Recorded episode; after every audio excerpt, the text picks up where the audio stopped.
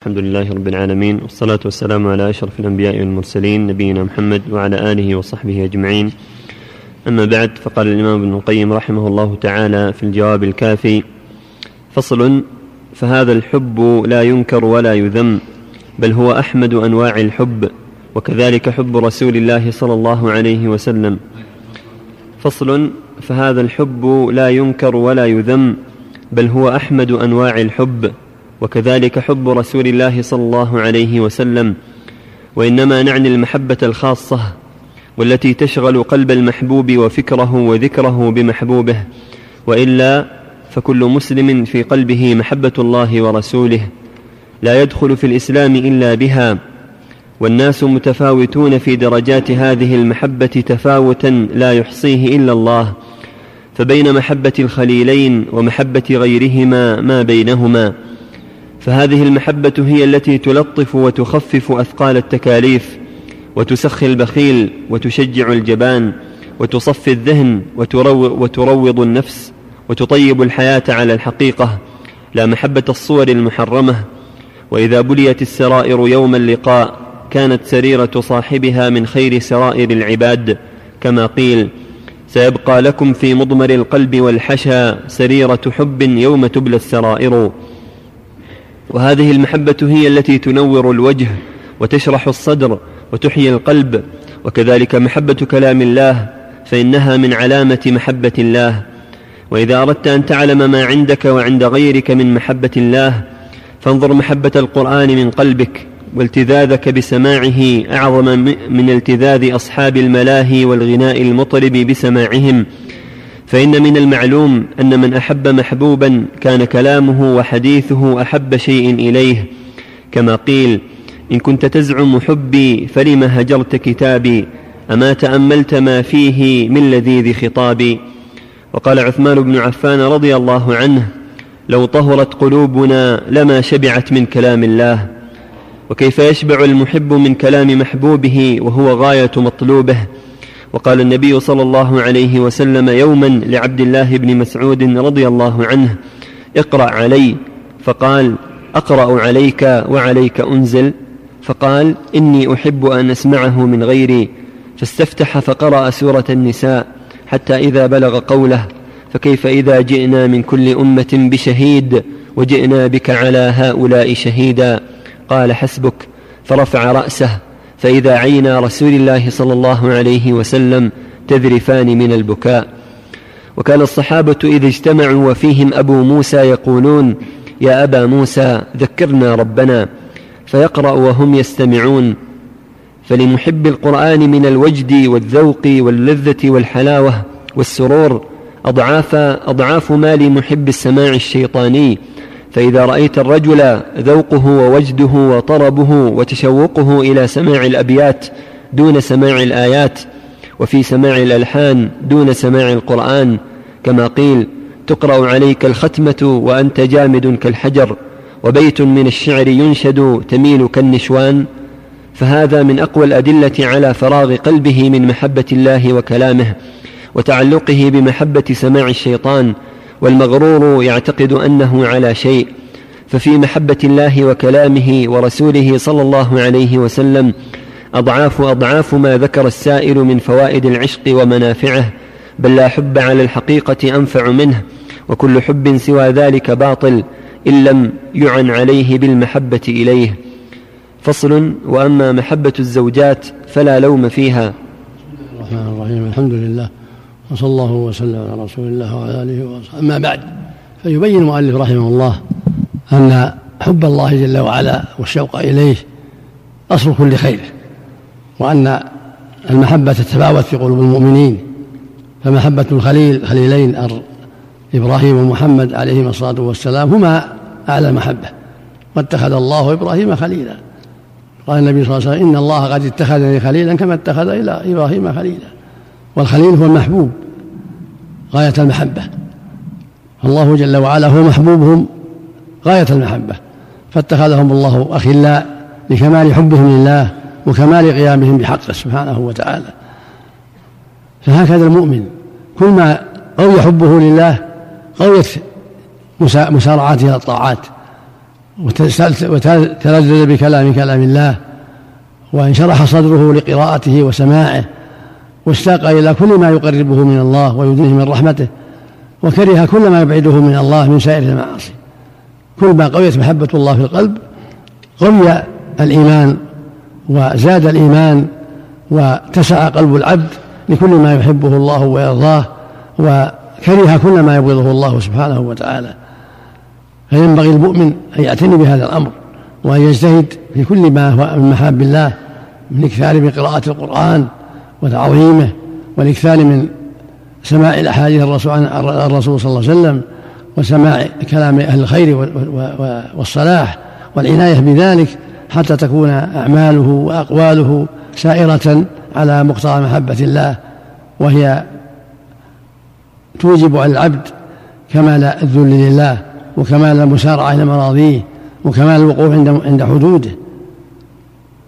فليحذر المؤمن أن يشغل قلبه بغير الله وأن يشغل بالشهوات والملاذ العاجلة فتضيع عليه خير آخرته ويندم غاية الندامة. ولكن ليجتهد في حب حب الله ورسوله والاجتهاد في طاعة الله ورسوله والحذر من كل ما يكرهه الله ورسوله. يرجو ثواب الله ويخشى عقاب الله. هكذا المؤمن. وفق الله الجميع. نعم. الله المستعان لتسكنوا إليها وجعل بينكم مودة ورحمة إن في ذلك لآيات لقوم يتفكرون. فجعل المرأة سكنا للرجل يسكن قلبه إليها وجعل بينهما خالص الحب وهو المودة المقرونة بالرحمة. وقد قال تعالى عقيب ذكره ما أحل لنا من النساء وما حرم منهن. يريد الله ليبين لكم ويهديكم سنن الذين من قبلكم ويتوب عليكم. والله عليم حكيم. والله يريد أن يتوب عليكم ويريد الذين يتبعون الشهوات أن تميلوا ميلا عظيما. يريد الله أن يخفف عنكم وخلق الإنسان ضعيفا. ذكر سفيان الثوري في تفسيره عن ابن طاووس عن أبيه كان إذا نظر إلى النساء لم يصبر. وفي الصحيحين من حديث جابر عن النبي صلى الله عليه وسلم أنه رأى امرأة فأتى زينب فقضى حاجته منها. وقال إن المرأة تقبل في صورة شيطان وتدبر في, وتدبر في صورة شيطان فإذا رأى أحدكم امرأة فأعجبته فليأت أهله فإن ذلك يرد ما في نفسه. ففي الحديث عدة فوائد منها الإرشاد إلى التسلي عن المطلوب بجنسه كما يقوم الطعام مقام الطعام والثوب مقام الثوب. ومنها الأمر بمداواة الإعجاب بالمرأة المورث لشهوتها بأنفع الأدوية وهو قضاء وطره من أهله وذلك ينقض شهوته. وهذا كما أرشد المتحابين إلى النكاح كما في سنن ابن ماجة مرفوعا لم يرى للمتحابين مثل النكاح فنكاح المعشوقة هو دواء العشق الذي جعله الله دواء شرعا وقد تداوى به داود صلى الله عليه وسلم ولم يرتكب نبي الله محرما وإنما تزوج المرأة وضمها إلى نسائه لمحبته لها وكانت توبته بحسب منزلته عند الله وعلو مرتبته ولا يليق بنا المزيد على هذا. وأما قصة زينب بنت جحش فزيد كان قد عزم على طلاقها ولم توافقه. وكان يستشير النبي صلى الله عليه وسلم في فراقها وهو يأمره بإمساكها. فكلم رسول الله صلى الله عليه وسلم أنه مفارقها ولا بد فأخفى في نفسه أنه يتزوجها إذا فارقها زيد وخشي مقالة الناس إن رسول الله صلى الله عليه وسلم تزوج زوجة ابنه فإنه كان قد تبنى زيدا قبل النبوة والرب تعالى يريد أن يشرع شرعا عاما فيه مصالح عباده فلما طلقها زيد وانقضت عدتها منه أرسله إليها يخطبها لنفسه فجاء زيد واستدبر الباب بظهره وعظمت في صدره لما ذكرها رسول الله صلى الله عليه وسلم فناداها من وراء الباب يا زينب إن رسول الله صلى الله عليه وسلم يخطبك. فقالت ما أنا بصانعة شيئا حتى أؤامر ربي. وقامت إلى محرابها فصلت فتولى, فتولى الله عز وجل نكاحها من رسوله صلى الله عليه وسلم بنفسه وعقد له النكاح فوق عرشه وجاء الوحي بذلك فلما قضى زيد منها وطرا زوجناكها. فقام رسول الله صلى الله عليه وسلم لوقته فدخل عليها. فكانت تفخر على نساء النبي صلى الله عليه وسلم بذلك وتقول أنتن زوجكن أهاليكن وزوجني الله من فوق سبع سماوات. فهذه قصة رسول الله صلى الله عليه وسلم مع زينب. ولا ريب أن النبي صلى الله عليه وسلم كان قد حبب إليه النساء. كما في الصحيح من حديث أنس عنه صلى الله عليه وسلم حبب إلي من دنياكم النساء والطيب وجعلت قرة عيني في الصلاة. هذا لفظ الحديث لا ما يرويه بعضهم حبب إلي من دنياكم ثلاث. زاد الإمام أحمد في كتاب الزهد في هذا الحديث أصبر عن الطعام والشراب ولا أصبر عنهن. وقد حسده أعداء الله اليهود على ذلك فقالوا ما همه إلا النكاح فرد الله سبحانه عن رسول الله صلى الله عليه وسلم ونافح عنه فقال أم يحسدون الناس على ما آتاهم الله من فضله؟ فقد آتينا آل إبراهيم الكتاب والحكمة وآتيناهم ملكا عظيما. وهذا خليل الله إبراهيم كان عنده سارة أجمل نساء العالمين وأحب هاجر وتسرى بها. وهذا داود عليه السلام كان عنده تسع وتسعون امرأة فأحب تلك المرأة وتزوجها. فكمل المئة. وهذا سليمان ابنه عليه السلام كان يطوف في الليلة على تسعين امرأة. وقد سئل رسول الله صلى الله عليه وسلم عن أحب الناس إليه فقال عائشة. وقال عن خديجة إني رزقت حبها فمحبة النساء من كمال الإنسان. قال ابن عباس خير هذه الأمة أكثرها نساء. وقد ذكر الإمام أحمد رضي الله عنه أن عبد الله بن عمر وقع في سهمه يوم جلولاء جارية كأن عنقها إبريق فضة. قال عبد الله فما صبرت أن قبلتها والناس ينظرون. وبهذا احتج الإمام أحمد على جواز الاستمتاع من المسبية قبل الاستبراء بغير الوطأ بخلاف الأمة المشتراه. والفرق بينهما أن انفساخ الملك لا يتوهم في المسبية. بخلاف المشتراه فقد ينفسخ فيها الملك فيكون مستمتعا بأمة غيره. وقد شفع النبي صلى الله عليه وسلم لعاشق أن تواصله معشوقته بأن تتزوج به فأبت وذلك في قصة مغيث وبريرة لما رآه يمشي خلفها بعد فراقها ودموعه تجري على خديه فقال لها رسول الله صلى الله عليه وسلم لو راجعتيه؟ فقالت أتأمرني يا رسول الله؟ فقال لا إنما أشفع. فقالت لا حاجة لي به. فقال لعمه يا عباس ألا تعجب من حب مغيث بريرة ومن بغضها له؟ ولم ينكر عليه حبها وإن كانت قد بانت منه فإن هذا ما لا يملكه. وكان النبي صلى الله عليه وسلم يسوي بين نسائه في القسم ويقول اللهم هذا قسمي فيما أملك فلا تلمني فيما لا أملك يعني في الحب. وقد قال تعالى ولن تستطيعوا أن تعدلوا بين النساء ولو حرصتم يعني في الحب والجماع. ولم يزل الخلفاء الراشدون والرحماء من الناس يشفعون للعشاق إلى معشوقيه إلى معشوقيهم الجائز وصلهن كما تقدم من فعل أبي بكر وعثمان. وكذلك علي فقد أتي بغلام من العرب وجد في دار قوم بالليل فقال له ما قصتك؟ قال لست بسارق ولكني أصدقك. تعلقت في دار الرياحي خوده يذل لها من حسن منظرها البدر. لها في بنات الروم حسن ومنصب إذا افتخرت بالحسن خافها الفخر. فلما طرقت الدار من حر مهجتي أبي أبيت وفيها من توقدها الجمر. تبادر أهل الدار بي ثم صيحوا هو اللص محتوما له القتل والأسر. فلما سمع علي بن أبي طالب رضي الله عنه شعره رق له. وقال للمهلب بن رباح اسمح له بها. فقال يا أمير المؤمنين سله من هو؟ فقال النهاس بن عيينة فقال خذها فهي لك. واشترى معاوية جارية فأعجب بها إعجابا شديدا فسمعها يوما تنشد أبياتا منها وفارقته كالغصن يهتز في الثرى طريرا وسيما بعدما طر شاربه. فسألها فأخبرته أنها تحب سيدها فردها إليه وفي قلبه منها. وذكر الزمخشري في ربيعه أن زبيدة قرأت في طريق مكة على حائط أما في عباد الله أو في إيمائه كريم يجلي الهم من ذاهب العقل له مقلة أما الأماقي قريحة وأما الحشا فالنار منه على وجلي فنذرت أن تحتال لقائلهما إن عرفته حتى تجمع بينه وبين من يحبه فبينا هي بالمزدلفة إذ سمعت من ينشد البيتين فطلبته فزعم أنه قالهما في ابنة عم له نذر أهلها ألا يزوجوها نذر أهلها ألا يزوجوها منه فوجهت إلى الحي فما زالت تبذل لهم المال حتى زوجوها منه. وإذا المرأة أعشق له منه وإذا المرأة أعشق له منه لها فكانت تعده من أعظم حسناتها وتقول ما أنا بشيء أسر مني من جمعي بين ذلك الفتى والفتاة.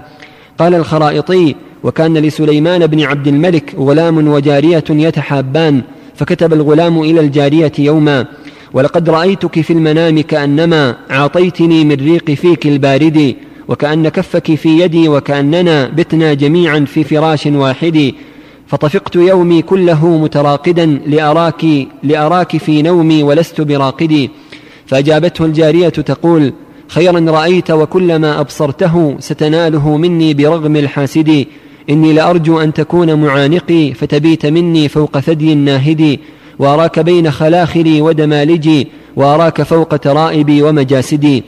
فبلغ سليمان ذلك فأنكحها الغلام وأحسن حالهما على فرط غيرته.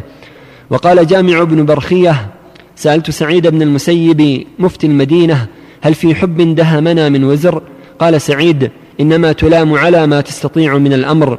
فقال سعيد والله ما سألني أحد عن هذا ولو سألتني لما كنت أجيب إلا به. فعشق النساء ثلاثة أقسام عشق هو قربة وطاعة وهو عشق الرجل امرأته وجاريته. وهذا العشق نافع لأنه أدعى إلى المقاصد التي شرع الله لها النكاح وأكف للبصر والقلب عن التطلع إلى غير أهله.